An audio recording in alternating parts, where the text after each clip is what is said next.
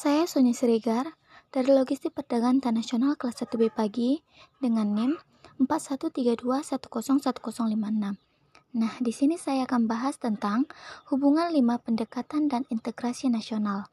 Seperti yang kita ketahui, integrasi nasional adalah usaha dan proses mempersatukan perbedaan-perbedaan yang ada pada suatu negara sehingga terciptanya keserasian dan keselarasan.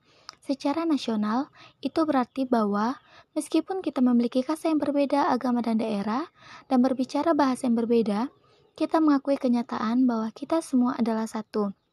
Nah, dari penjelasan di atas, dapatlah hubungan lima pendekatan integrasi nasional. Yang pertama, adanya ancaman dari luar.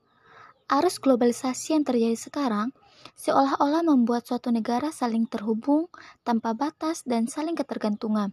Dalam konteks ini, Indonesia mendapat ancaman, gangguan, hambatan, dan tantangan dari globalisasi itu sendiri.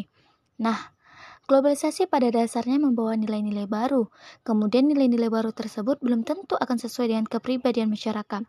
Berhubungan dengan itulah, tentunya dalam nilai-nilai kepribadian dan karakter bangsa Indonesia akan bergeser. Yang kedua, gaya politik kepemimpinan.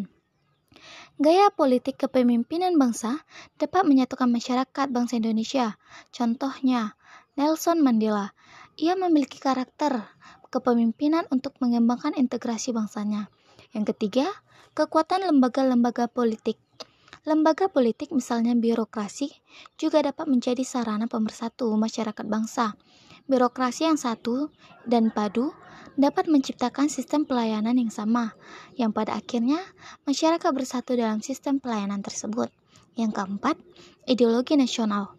Seperti kita ketahui, integrasi nasional merupakan seperangkat nilai-nilai yang diterima dan disepakatkan. Ideologi juga memberi visi dan panduan bagaimana cara menuju visi itu. Nah, dalam hal ini, nilai bersama yang bisa mempersatukan masyarakat dalam nilai Pancasila. Terakhir, yang kelima yaitu kesempatan pembangunan ekonomi.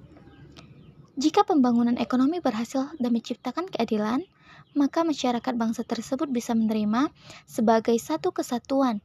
Namun sebaliknya, jika tidak adil, maka muncul kesenjangan. Orang-orang yang dirugikan dan miskin sulit untuk bersatu.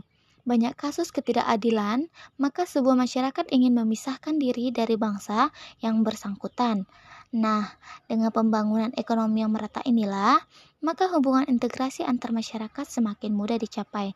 Sekian penjelasan dari saya, hubungan lima pendekatan dengan integrasi nasional. Terima kasih.